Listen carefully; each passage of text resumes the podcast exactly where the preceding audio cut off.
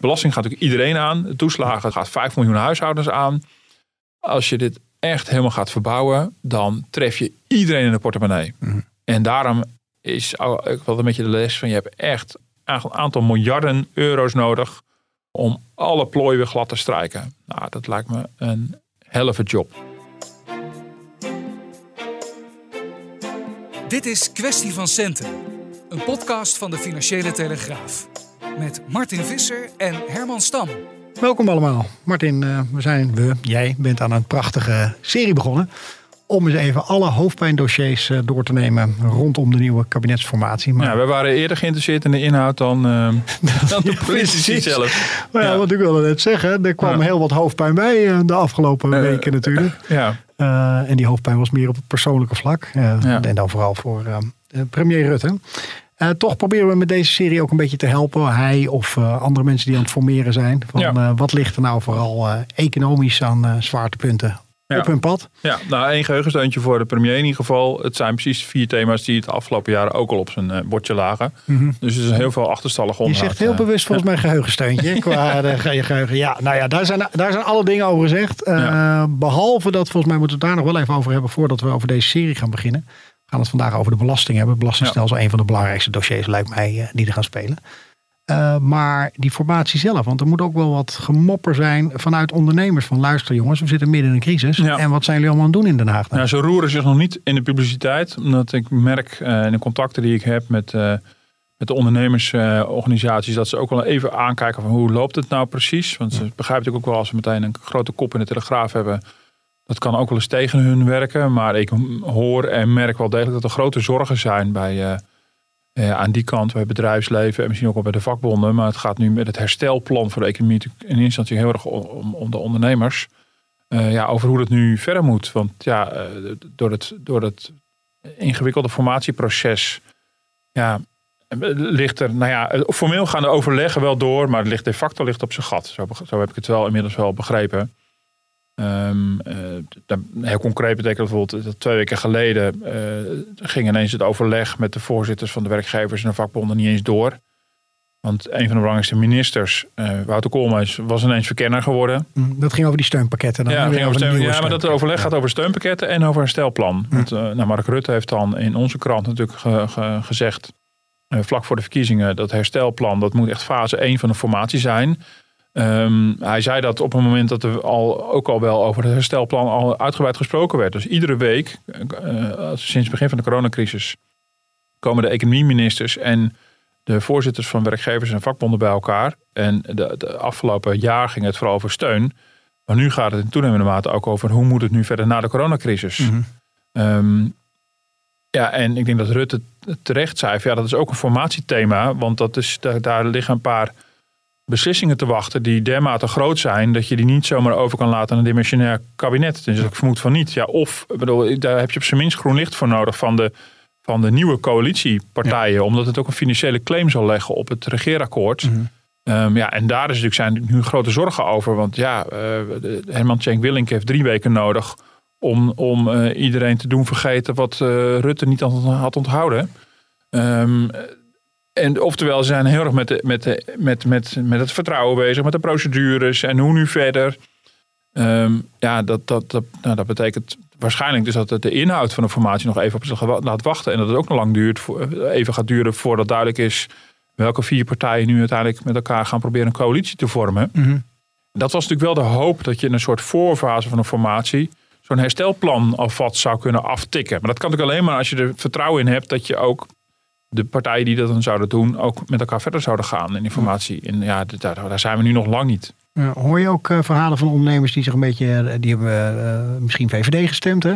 Dat ze zich een beetje zorgen maken van nou, uh, die rol van de VVD die wordt misschien wel wat anders. Ze moeten misschien wel wat meer water bij de wijn doen ja. om tot een coalitie alsnog te komen. En dan komen mijn ondernemersbelangen misschien wel wat in ja. gevaar. Nou, dat heb ik eerlijk gezegd nog niet zo heel erg gehoord. Omdat ik ook wel, um, dat zou wel kunnen spelen hoor, bij individuele ondernemers. Het zou op zichzelf best wel kunnen. Maar ik denk dat heel veel ondernemers relatief goed bediend zijn geweest door... Uh, door de huidige ministers. En dan gaat het toch om minister Wouter Koolmees van D66. Bas van het Woud opvolger van Erik Wiebes van VVD en Wopke Hoekstra uh, CDA. Dus in die zin ehm, is de, de, de royale steun die er is geweest het afgelopen jaar, heeft niet echt een partijkleur meegekregen. Dus ik denk niet ehm, dat de VVD per se de belangrijkste factor is in hoe het nu verder moet met het herstel, maar vooral de stabiliteit van de politiek. Ehm, dus ik denk dat, dat, daar, dat daar nu op dit moment primair de zorg ligt. Allicht dat in een latere fase daar misschien wel zorgen over zijn. Nou, daar gaan we in deze serie ook over hebben. Bijvoorbeeld klimaat. Waar D66 vergaande eh, plannen en ambities heeft. Voor allerlei klimaatheffingen, belastingen, weet ik wat allemaal. Ja. ja, ik kan me voorstellen dat daar niet alle ondernemers even enthousiast van worden. Maar als het specifiek gaat over het herstelplan. Is mijn indruk tot nu toe dat partijkleur niet zo heel gek veel nog eh, toe doet. Oké. Eh, die serie, hè, daar gaan we Ja. het eh, over hebben. Want daar hebben we ook uitgebreid natuurlijk de tijd eh, voor. Je hebt hem al afgetrapt in de krant. Ja. de, toen hebben we hem even een weekje on hold gezet, zeggen we erbij. Omdat Ja. we toen dachten van nou, wat gaat er? Waar gaat het we zien of, überhaupt? de, of het formatieproces wel doorgaat. Zelfs gespe- gespeculeerd over, over nieuwe verkiezingen. En dan voelt het toch een beetje raar om, om ijzerheinig door te gaan. Met heel zwaar inhoudelijke verhalen over, over formatiethema's. Nou goed, het is een teken van vertrouwen van onze kant. Dat we Ja. gewoon nu de serie gaan weer oppakken. En aanstaande zaterdag eh, dit weekend dus verder gaan eh, met deel 2. eh, en nu in de podcast blikken terug op deel 1 over het belastingstelsel. Ja, wat we even, even gewoon bij het begin beginnen. Wat, je, hebt daar veel research voor gedaan. We hebben veel het gehad al over, dat hele, over de belastingstelsel Ja. en wat er veranderd moet worden. Wat is je nou het meest opgevallen nu je het allemaal weer zo op een rij probeert te zetten? Nou, dat mijn printer overuren heeft gedraaid. Of eigenlijk eh, de print hier op de redactie. Want eh, daar kan mijn thuisprintertje allemaal niet aan. Eh, want er is op het terrein van de belastingen... is er de afgelopen jaren al zo gruwelijk veel geadviseerd... en geproduceerd aan rapporten. Ja, ik, ik kan niet zeggen dat ik alles helemaal heb gelezen. Maar ik vond het toch wel, wel waardevol om in ieder geval die verschillende adviezen en rapporten over de tijd gewoon in ieder geval diagonaal door te nemen. Om een beetje te zien hoe de ontwikkeling in de loop van de jaren was in die adviezen. Ehm, dus ik heb inderdaad op een gegeven moment eh, flink wat zitten printen. En ik denk, ik wilde toch, ik bedoel, ja, het begint dus te veel om van het scherm te lezen. Dus even heel praktisch. Maar dus met een eh, pla- plastic tas met, met een enorm pak papier heen en weer pendelen tussen mijn thuiswerkplek en, eh, en de redactiewerkplek eh, om, om dat verhaal eh, te maken. Dat is op het terrein van die belastingen. Eh, ja, dat speelde niet alleen bij het huidige kabinet en ook bij het komende kabinet. Maar dat speelde dus al veel langer. Al kabinetten achter elkaar wordt geconcludeerd. Ja, dat belastingstelsel, daar moeten we iets mee. Maar of men kwam er politiek gezien niet uit. Bijvoorbeeld in de regering eh, Rutte-Samson. VVD, PvdA kwam er inhoudelijk. eh, dachten ze van nou, dat wordt, echt, dat wordt helemaal niks. Dat wordt een no-go. Ja, of men kwam er gewoon in de uitvoering niet uit. We zijn inmiddels op een punt beland. Dat, het, dat de Belastingdienst qua uitvoering zo klem zit. Ja, dat de vraag is of het, of het stelsel te hervormen is. de, of die hervorming vervolgens ook uitvoerbaar is voor de Belastingdienst. Dus dat is ook een aspect. Dus je ziet wel, als je dan die stukken van jaar op jaar, eh, over de jaren bij elkaar eh, doorneemt. En ik heb mensen er ook over gesproken. Zie je dat de urgentie steeds groter wordt. De problematiek wordt ook steeds groter. En de, de moedeloosheid rondom dit onderwerp ook wel steeds groter. Nou, dat is uiteindelijk natuurlijk geculmineerd in die kinderopvangtoeslag. dat schandaal. En, en het was ook wel heel duidelijk van... als we met het belastingstelsel eh, niet per se iets doen... dan moeten we op zijn minst iets met de toeslagen gaan doen. En dat is natuurlijk wel... Dus in die zin zie je dat ook in de loop van de jaren... ook de nadruk ook wel een, een, een andere werd. Ja. Eh, hebben we het zo ook nog over, hè, waar die kansen dan precies liggen, hoe dat veranderd moet worden. Laten we Ja. eventjes, eh, nou ik wil niet zeggen vrolijk beginnen. Willem Vermeend word ik altijd vrolijk van, maar die is volgens mij vrij negatief over hoe dit allemaal moet, de verandering. Vrij somber, ja. We hebben hem te gast gehad eh, onlangs in onze podcast. de oud-staatssecretaris van Financiën, moet ik zeggen. Die toen bezig was met de verandering van het vorige belastingstelsel. hè, om Zo te zeggen. Hier komt hij. Je moet stoppen in Nederland met de ingewikkelde belastingwetgeving. Dat gaat allemaal niet lukken. Ook die afschaffing wat ze gaan doen op het ogenblik. Van we gaan alles afschaffen en we gaan allemaal toeslagen afschaffen. Dat is Ja. allemaal heilloos weg, wordt dat. Heilloos. Ja? Daar kom je, ben je zes, zeven, acht jaar mee bezig. Maar ik ben zelf aan het werk geweest in mijn tijd, samen met Salm. Voor je een herziening erdoor hebt, ben je acht, negen jaar kwijt, joh. Heb je nu ook helemaal geen geld voor, toch? Om dat allemaal een beetje... Nee, nee, nee, nee, dat heb je ook geen vergeten. Dus dat zijn allemaal, eh, zeg maar, ideeën die niet doorgaan. Allemaal ideeën die niet doorgaan. Ja. Nou, dat, we kunnen onze borst nat maken. Want volgens Ja. mij hebben we wel allemaal zijn we het mee over eens. Er moet wat veranderen, toch? Ja, nou, hij heeft zichzelf ook. Alleen, ja, hij zegt, eh, hij zei ook vrij- redelijk provocerend. Ik ben misschien de laatste geweest die een belastingherziening heeft doorgevoerd. Dit was natuurlijk in de tijd van eh, dat hij als staatssecretaris Financiën zat en Gerrit Salmers minister op Financiën. Eh, het waren natuurlijk ook de paarse jaren. Eh, het ging eh, financieel-economisch het grootste deel van die tijd heel erg goed. Zit te denken, die belastingherziening is 2001 uiteindelijk. Toen kregen we wel de dotcom-bubbel die, die barstte. Maar goed, toen was het allemaal al afgerond. Maar die, in, je kan je misschien nog herinneren in die paarse jaren dat, eh, dat Gerrit Salm ook ja, half grappend, half serieus zei van nou, het is allemaal zo makkelijk en het gaat allemaal zo goed. Ik zit iedere avond om vijf uur keurig achter de piepers. Mhm. En dat is als een soort van hobbyproject bij wijze van spreken. Het is natuurlijk een beetje overdreven allemaal. Dat, dat vermeende Zalm te dachten van ja, we moeten toch wat te doen hebben. Uh, want ja, we zitten hier een beetje op de winkel te passen. Laten we maar het belastingstelsel gaan uh, hervormen. Nou goed, zo is het natuurlijk niet echt helemaal gegaan. Maar er was wel relatieve rust en ruimte om dat te doen. Uh, de, de, economie ging, ging, ging goed. Er was ook financiële armslag om alle koopkrachteffecten te repareren. Ja, en, en nou, Vermeend heeft die ervaring. Die kijkt nu naar hoe het er nu voor staat. En die ziet, en hij, op zich, hij zegt natuurlijk wel terecht. Ja, A, de uitvoering is een groot probleem. De politieke tegenstellingen zijn een groot probleem. De, de, de, financiële armslag om, om voor smerenolie te zorgen bij, bij zo'n herziening is een probleem. Zijn inschatting is, uh, ja, dat, dat kunnen we allemaal wel willen. Maar echt een grootschalige hervorming gaat er niet komen. Ligt, ligt nou niet eigenlijk uh, buiten de, alle instrumenten vooral het probleem niet bij de mensen die het moeten uitvoeren? De, ja. Ik wil niet een soort ambtenaren bashing hier doen hoor, maar als je die hele affaire bekijkt en wat voor Ja. verhalen daar naar boven komen, Ja, dan zijn er, nou mijn, mijn ervaring is in ieder geval, die verhalen vooral van ambtenaren die echt eigenlijk totaal stuurloos zijn, eh, zelf maar beslissingen nemen. Ja. Nou, dat weet ik niet. Ik denk niet dat ik dat helemaal deel, eerlijk gezegd. En ik denk ook eigenlijk dat de kinderopvangtoeslag-affaire ehm, is misschien wel een extra politieke aanleiding om hier iets aan te gaan doen. Mhm. Maar eigenlijk in die hele herziening en hervorming is het, is het toch een, een bijzaak, gek genoeg. Ik denk dat het voor urgentie zorgt en voor momentum zorgt. Maar eigenlijk is het toeslagenstelsel aan zich al, eh, draait al uit op een grandioze, grandioze mislukking. Kijk, die affaire ging natuurlijk heel erg over de fraudebestrijding en hoe daarin ehm, eh, dat, dat heel erg was doorgeslagen. Nou, dat, dat was terug te herleiden tot een aantal, beperkt aantal politici en een aantal ambtenaren. eh, waarbij er veel naar elkaar gewezen werd. Ja. En eh, daar misschien wel de letter van de wet werd uitgevoerd. Maar ik mag toch hopen de geest niet. Al was, was de geest van de wet ook lange tijd heel erg op, op fraudebestrijding en hard aanpakken. Dus ik denk dat die ambtenaren ook wel degelijk gevoed werden vanuit een politieke cultuur. Dit is die altijd dat verhaal dat je eerst die Bulgare fraude hebt gehad, Ja. dat het de controle Ja. te weinig was en uiteindelijk werd die controle weer te streng. Ja, nou ja, en die, die, die toeslagaffaire, eh, nou, die begonnen al misschien al een beetje voor die Bulgare fraude. Maar ik denk dat die Bulgare fraude natuurlijk een enorme impuls heeft gegeven aan het toch hard erop eh, zitten. Ook omdat je natuurlijk ziet dat politici ook gewoon op dagelijkse basis kaart worden afgerekend door de publieke opinie en door de Tweede Kamer. Ehm, wat je natuurlijk wel ziet bij die toeslagenaffaire is eh, dat het systeem ook fraudegevoelig is. Dat het ook relatief makkelijk is om de, eh, relatief makkelijk om daarmee te gaan sjoemelen. Eh, en dat heeft natuurlijk wel echt met de systematiek te maken. En dat legt wel ook mede bloot waarom het toeslagensysteem in de praktijk dus niet werkt. Namelijk dat je van tevoren zelf moet opgeven waar je denkt recht op te hebben. En dat het wordt naderhand, met, met, een, met enorme vertraging, wordt dat gecontroleerd. Wat tot enorme naheffingen leidt in sommige gevallen. Nou, in het geval van de begarenfraude waren, eh, de, waren de vogels gevlogen en konden die naheffingen nooit meer plaatsvinden. En was, was men weg. Maar, door, maar inherent aan het systeem is, aan het toeslagensysteem, is dat je van tevoren eh, zelf opgeeft van ik denk hier en hier recht op te hebben, want ik denk dat dit en dit mijn belastbaar inkomen is. En dat ik zo en zoveel kinderopvang ga gebruiken over zoveel euro per uur. En dan moet achteraf maar blijken of dat klopt. Het gaat uit van vertrouwen. En eh, het gaat ervan uit dat de burger zelf in staat is om dat heel precies van tevoren in te schatten. Wat zeer de vraag is. Mhm. En dan hoef je echt niet. eh, bedoel, ook, ook, ook, dat heeft denk ik niet met opleidingsniveau te maken. Ook een hoger opgeleide, ik heb die ervaring gewoon zelf. eh, kan het soms knap lastig hebben met het precieze te schatten van wat gaat ons gezamenlijk belastbare inkomen worden het komend jaar. En, en, en hoe zorg ik ervoor dat ik naderhand met een vertraging van, van, van soms wel twee jaar niet alsnog enorm moet bijbetalen. Nou, dat is best wel een heel gepuzzel.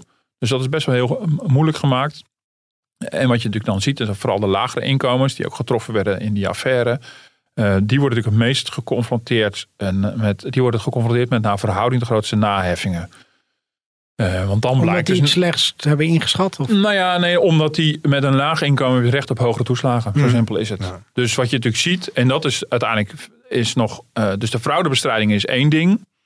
Ik denk dat de herziening van het toeslagenstelsel veel meer op de sy- systematiek in zou moeten gaan. Want wat de conclusie is van allerlei ambtelijke rapporten, al nu al een paar jaar, is dat het systeem van toeslagen zou de financiële zekerheid van mensen moeten vergroten. Maar eh, het, het leidt er de facto toe dat de financiële onzekerheid wordt vergroot. Omdat met name lagere inkomens die in verhouding vrij forse toeslagen kunnen krijgen op bijvoorbeeld kinderopvang. Je hebt ook nog huurtoeslag, zorgtoeslag.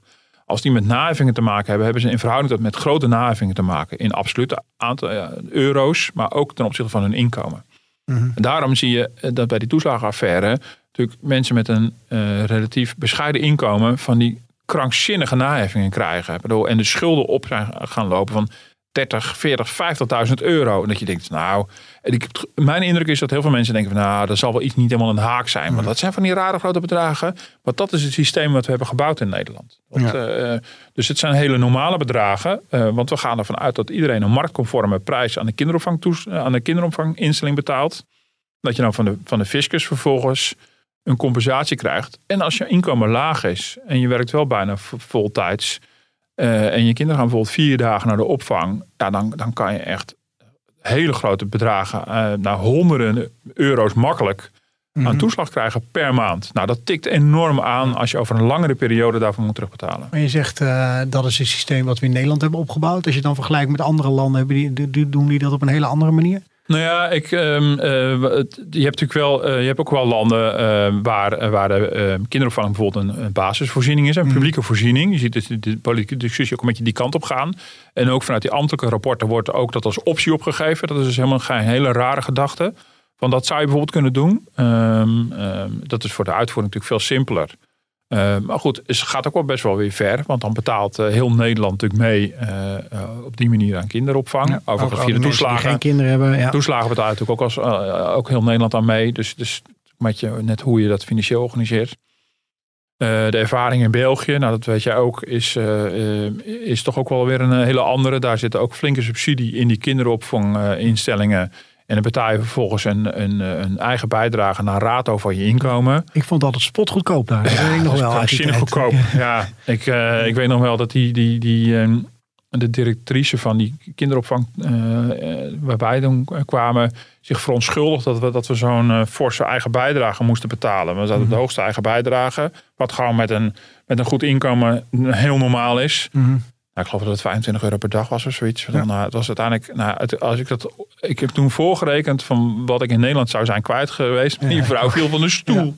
Maar dat betekent dus wel dat er heel veel subsidie van de overheid naar die instellingen toe gaan. En dat luisteraars even, wij waren correspondent in België. Anders denken ze, wat is dit voor een raar uitstapje misschien? Ja, wat precies. ik reed niet iedere dag van mijn lol op en hier naar Brussel om mijn kinderen te stallen. En dan vervolgens in Nederland te werken. Nee, we, mm we woonden daar. Dus het was... Uh, het, uh, dat was normaal, zeg maar. Maar, uh, dat is ook, maar dan, dan heb je natuurlijk wel weer dat de overheid natuurlijk zwaar die instellingen gaat zitten subsidiëren. Dat, dat brengt ook weer allerlei nadelen met zich mee. En op een gegeven moment heeft, uh, is ervoor gekozen, um, onder een van de eerste kabinetten Balken en Joop Wijn heeft het ingevoerd om te zeggen, oké, maar we willen dat, dat de huren en de zorg en de kinderopvang, dat daar iets van marktwerking is, in meer of mindere mate. En dat je, eh, dat je dus een marktconforme prijs betaalt en de overheid via de toeslagen compenseert uh, dan, dan uh, voor mensen die het anders niet kunnen betalen. Ja. ja. dat, en dat systeem is, is te precies afgesteld, is te zeer op je exacte inkomen in dat jaar, in die maand, en exacte gebruik van de kinderopvang. Ja, dat, dat, dat, dat, dat zou je toch grofmaziger moeten maken. Je zou bijvoorbeeld kunnen zeggen van nou, dat je van tevoren geef je, moet je opgeven van wat je inkomen op dat moment is. En dan heb je recht op zoveel compensatie en dat is het dan. Geen naheffingen. En als je inkomen wijzigt, dan moet je dat opgeven. Dus je mm. moet toch, dus, dus, uh, denk naar een, een, simpele systematiek toe. Dat ook wat minder precies is misschien. Maar dit is gewoon onwerkbaar. Ja. Dat, dat, er, zijn, er zijn miljoenen toeslagen worden er uitgekeerd. maar er is ook echt miljoenen navorderingen en, en terugbetalingen. Ja. Dat gaat echt om hele grote aantallen van kleine en grote bijstellingen. Dus dat, dat werkt ik zo, uh, sowieso niet. Is nou dat hele idee hè, van er zitten allemaal veel uh, uitvoeringsradertjes uh, in, in ons systeem, om zo te zeggen. Ja. Legt dat ook uit waarom die mensen nog zo mondjesmaat terugbetaald zijn? Hoe bedoel je dat? Nou, dat daar ook ambtenaren zich over moeten buigen. Van joh, we moeten ook op een gegeven moment weer uh, die mensen een vergoeding betalen. En die moet op een rekening komen, want nee, dat hadden we beloofd. Ja, nee, ja, oh ja, dat, nee, zeker ja. Het is ook allemaal, dat, dat, met die hele compensatie is dat ook best wel, best wel ingewikkeld. Tegelijkertijd denk je, ja, als je op een gegeven moment gezegd nou, we geven iedereen een vast bedrag.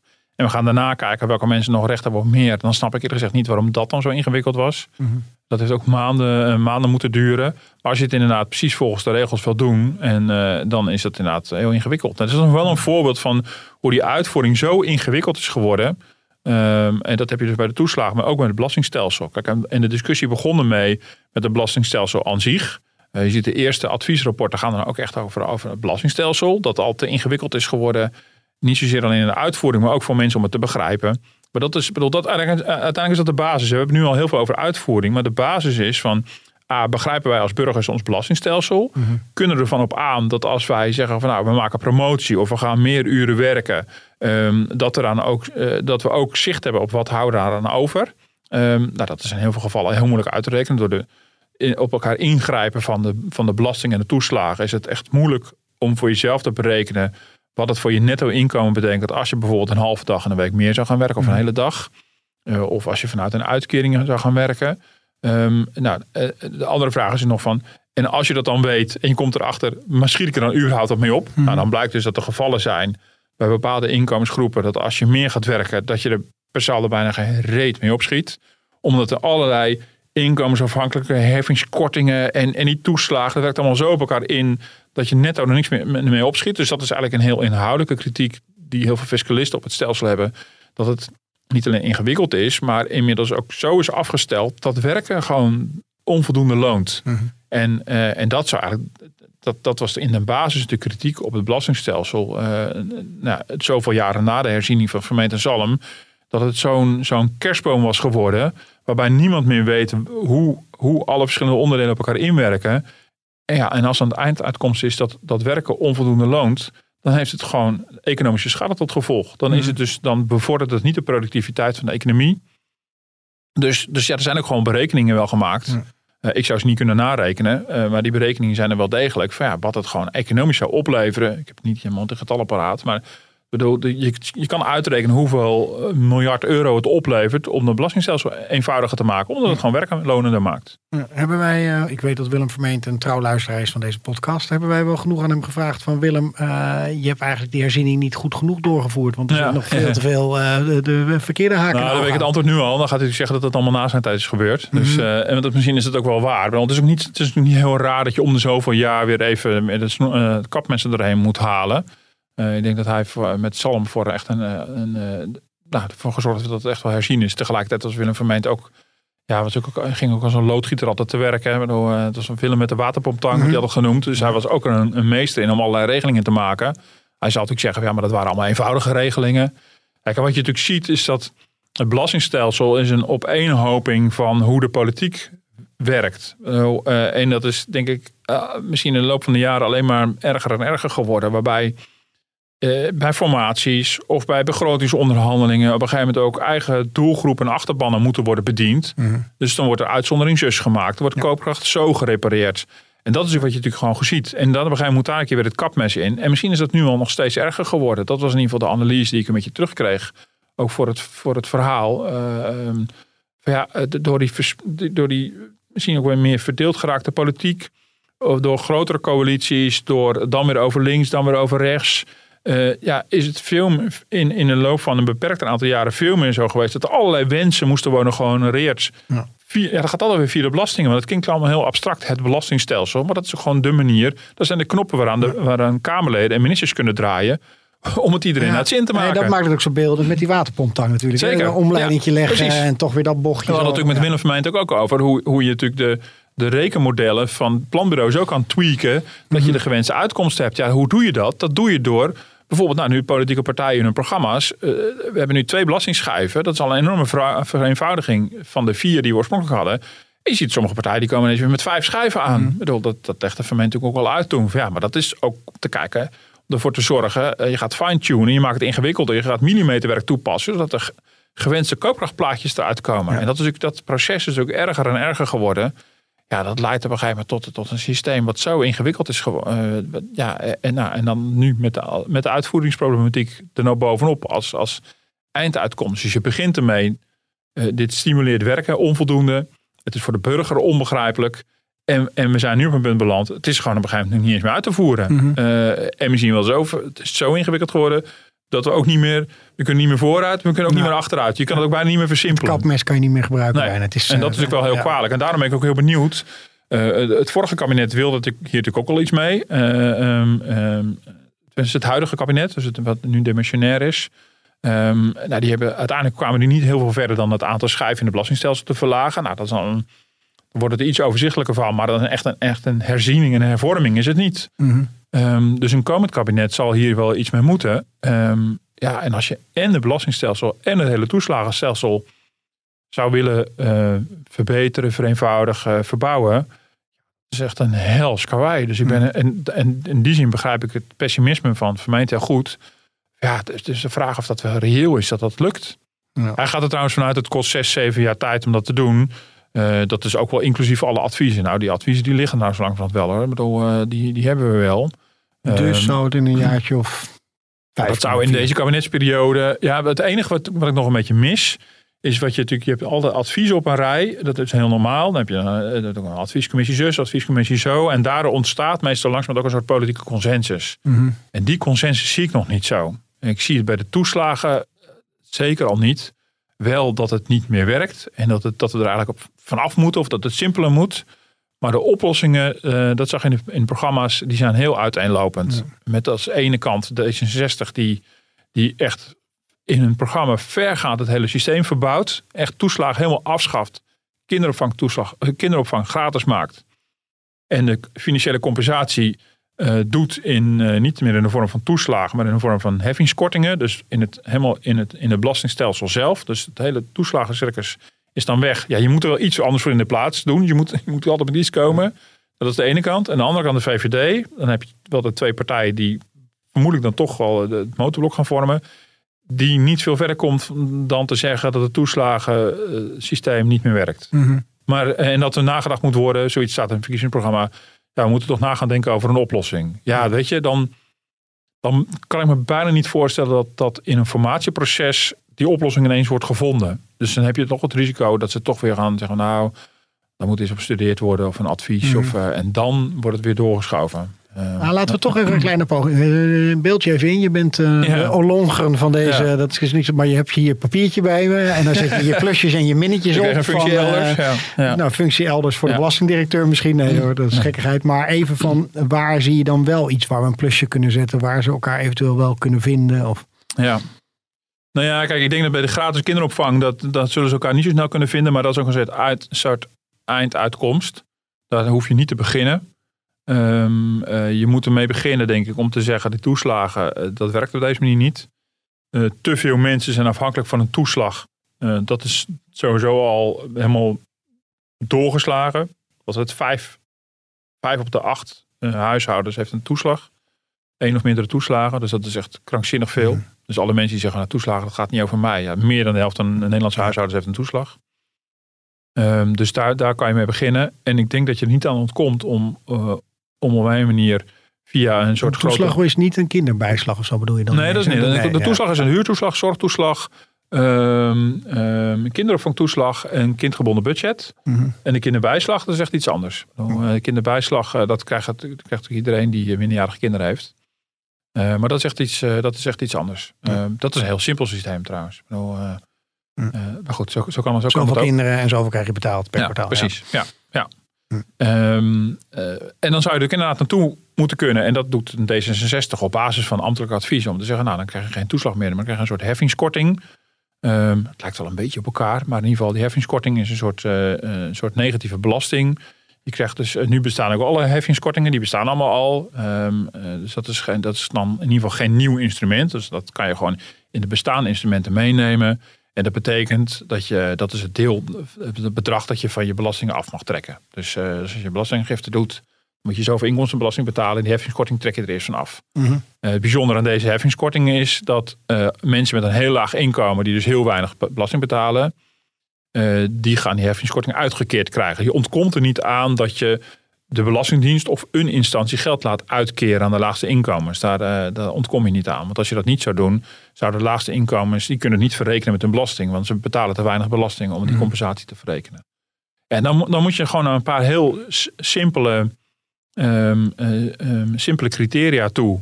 In plaats van het hele ingewikkelde van nu. Gewoon, ja, je moet kijken, wat is je inkomen?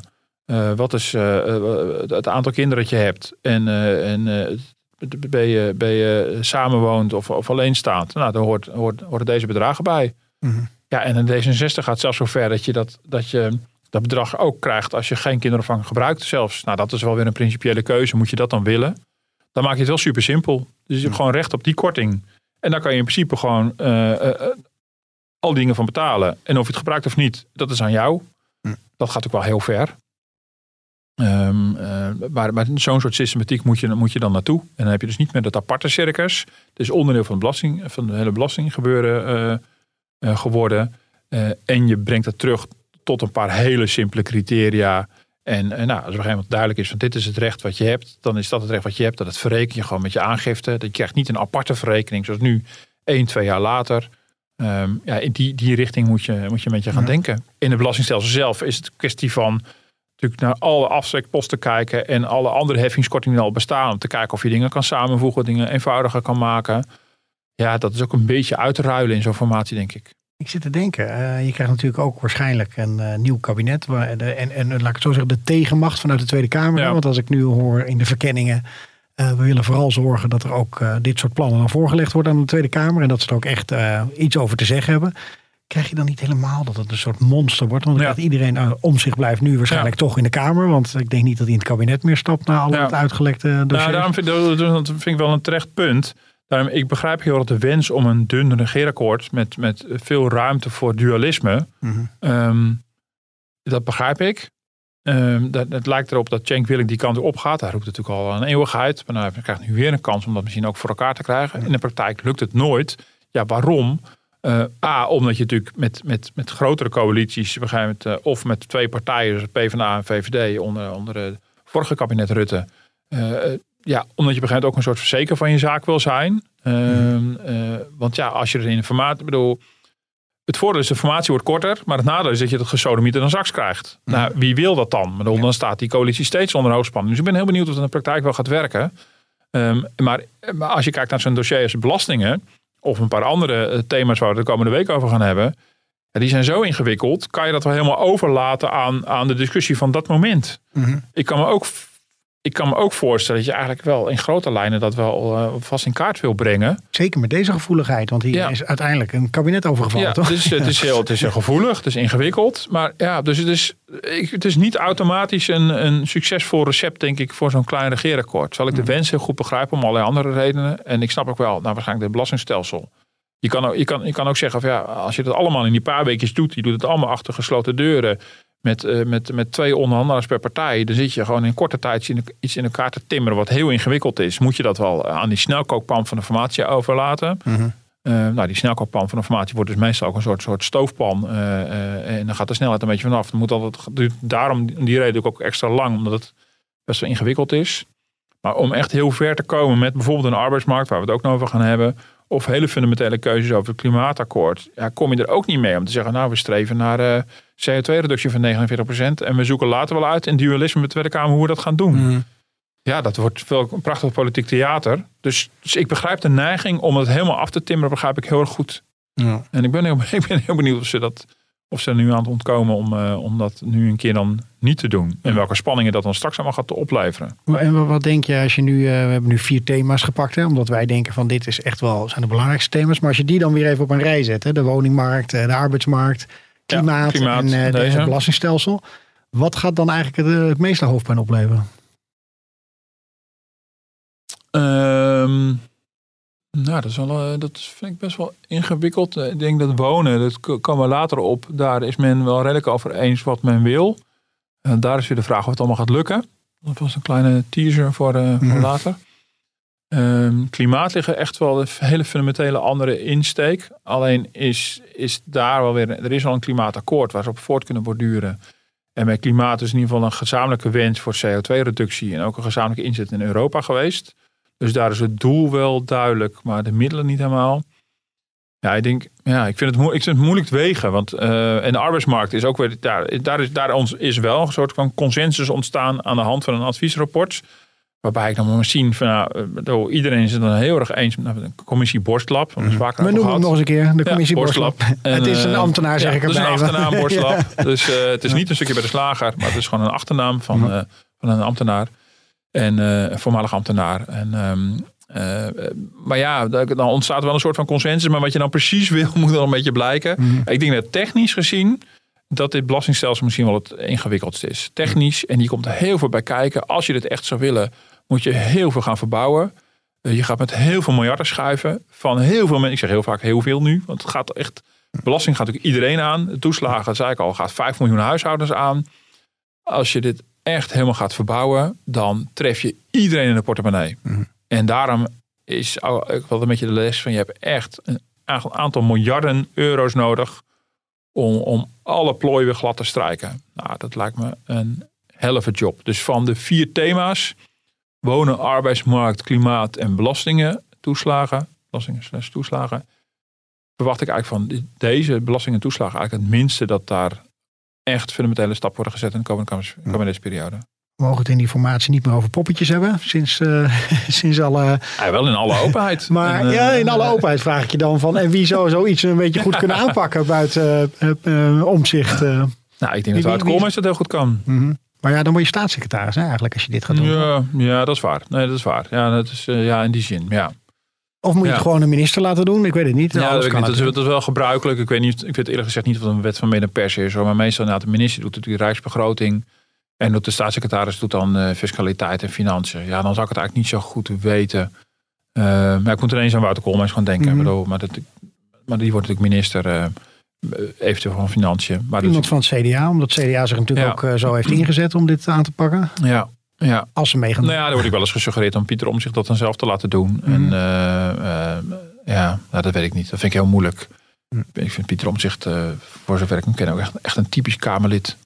Ik bedoel, dat vooral heel goed is in kritische vragen stellen. Een dossiervreter. Ja, het is natuurlijk wel handig op, als je dit wilt doen, natuurlijk wel handig dat je het ook allemaal begrijpt. En Wouter Koolmees is iemand die diepte techniek induikt. En tegelijkertijd politiek gevoel eh, blijkt te hebben. Dat heeft hij met het pensioenakkoord wel laten zien. En ik denk zo'n Pieter Omzicht is ook iemand die diepte dossiers induikt. Die wel gewoon weet waar het over gaat. Ja. Maar ehm, ja, ik denk heel, heel eerlijk gezegd, we zitten nu een beetje over die namen te fantaseren. Dat wie het doet niet, niet per se het allerbelangrijkste is. Het is gewoon meer van, kom je de politiek gewoon uit? Ik bedoel, in de onderhandelingen. ehm, ja, ik vind dus technisch voorwerk is er nu al zoveel gedaan. Eh, na allerlei adviescommissies zijn er ook heel veel ambtelijke commissies geweest. Er ligt een, van de bouwstenen rapport van het ministerie van Financiën. Met allerlei opties over wat je fiscaal maar kan. Er liggen meerdere ambtelijke rapporten over het toeslagenstelsel. Nou, even uit mijn hoofd. Ik geloof dat er 26 varianten eh, voor een nieuw toeslagenstelsel liggen. Er zijn tal van opties liggen. Dus, dus de hele menukaart is er al. Dus zo'n grote menukaart. Dus in een restaurant. Eh, Ik kan wel te veel kiezen, maar dat heb ik ook bij de kaart Chinees. Zo Martin, dat je eh, gewoon geen dan weet idee ik niet meer van, wat eh, ik moet kiezen. Precies, moet ik nou 153 met nasi nemen of, of eh, 182 met bami? Ik heb geen idee. Minder keuzes. Eh, dus, nee, dus in die zin, de opties zijn er plenty. Ik denk dat het, dat het in die zin eh, eh, dus wat minder afhangt per se van, eh, van de persoon. Als het natuurlijk wel van belang dat iemand wel begrijpt dat het over gaat. Mhm. Ja, en toch ook nog wel een beetje de boer op kan om de partijen erachter eh, te, Ja. laten scharen. Ja, maar dan hangt het inderdaad vanaf. Als je er toch voor kiest om informatie hier vergaand knopen voor door te hakken, Mhm. hangt het vooral van dat proces af. En daar zit natuurlijk straks Wouter Koolmees bijvoorbeeld bij. En, eh, ehm, eh, en dan Bobke Hoekstra. En ja, in de praktijk is het heel vaak zo dat naast de hoofd... dat, ik zeg dat dan wel zo makkelijk. Wouter Koolmees zit er natuurlijk bij, dat, dat weten ze nog helemaal niet. Maar in de praktijk is het vaak zo dat de hoofdonderhandelaar een, een financieel iemand meeneemt. Mhm. Ik veronderstel even dat Wouter Koolmees is. Maar dat moet allemaal nog maar een beetje blijken.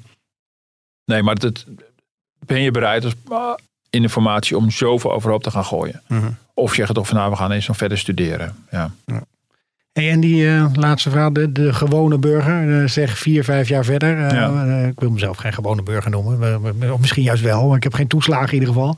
Maar ga ik er dan echt zelf ook wat van merken? Van belastingaangifte wordt Ja. makkelijker of eh, we kunnen Nou, zo opeens een wel, foutje ja. maken. Dat, nou ja, eh, kijk, de- we begonnen natuurlijk over toeslagen. Ehm, ehm, de- de- de- voor de toeslagen, en iedereen die, die een toeslag krijgt, zal natuurlijk wel eh, ervaringen, zeker bij een kinderopvangtoeslag, die zo samenhangt ook met hoeveel kinderopvang je gebruikt en je belastbaar inkomen, en, eh, maar, maar ook met andere toeslagen trouwens.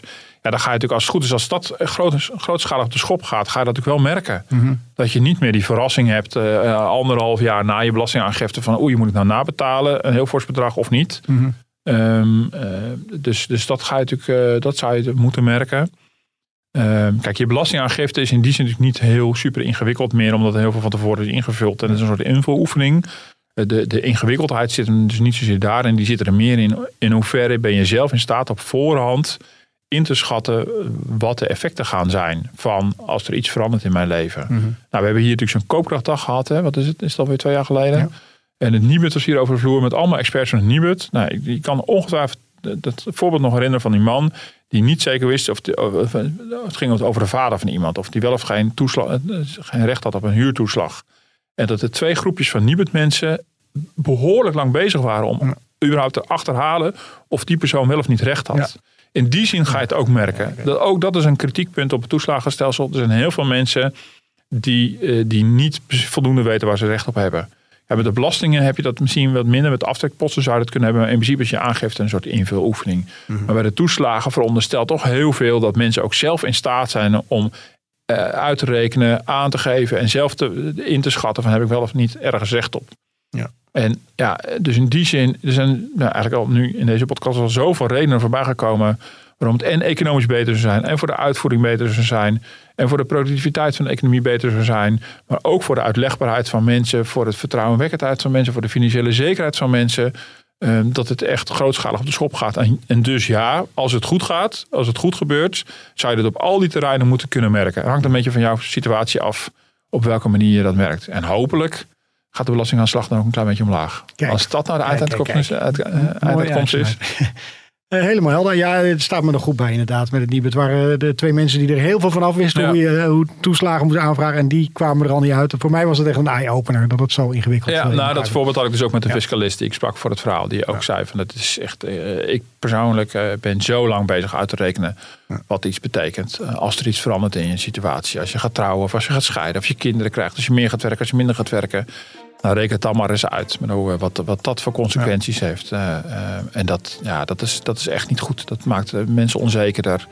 Mensen kunnen verkeerde beslissingen nemen daardoor. En dus dat, al die onbedoelde effecten moeten uit dat systeem gehaald worden. Volgende week gaan we proberen het, eh, de formatie weer een beetje te helpen met het volgende hoofdpijndossier. klimaat. dossier. ja, het we gaan het klimaat. klimaatprobleem oplossen. Precies, Nou, in, één, in één podcast. Half uurtje tijd, dan zijn we klaar. Eh, moet lukken. Eh, een mooie serie waar je mee eh, aan de slag bent. En eh, daar komt dus nog eh, meer van. Dankjewel voor je tijd, eh, Martin. Eh, we zijn terug te luisteren op iTunes en op eh, Spotify. En mail ook eh, Martin over klimaat of over het belastingstelsel op podcast.dft.nl. Tot volgende week. tot volgende week.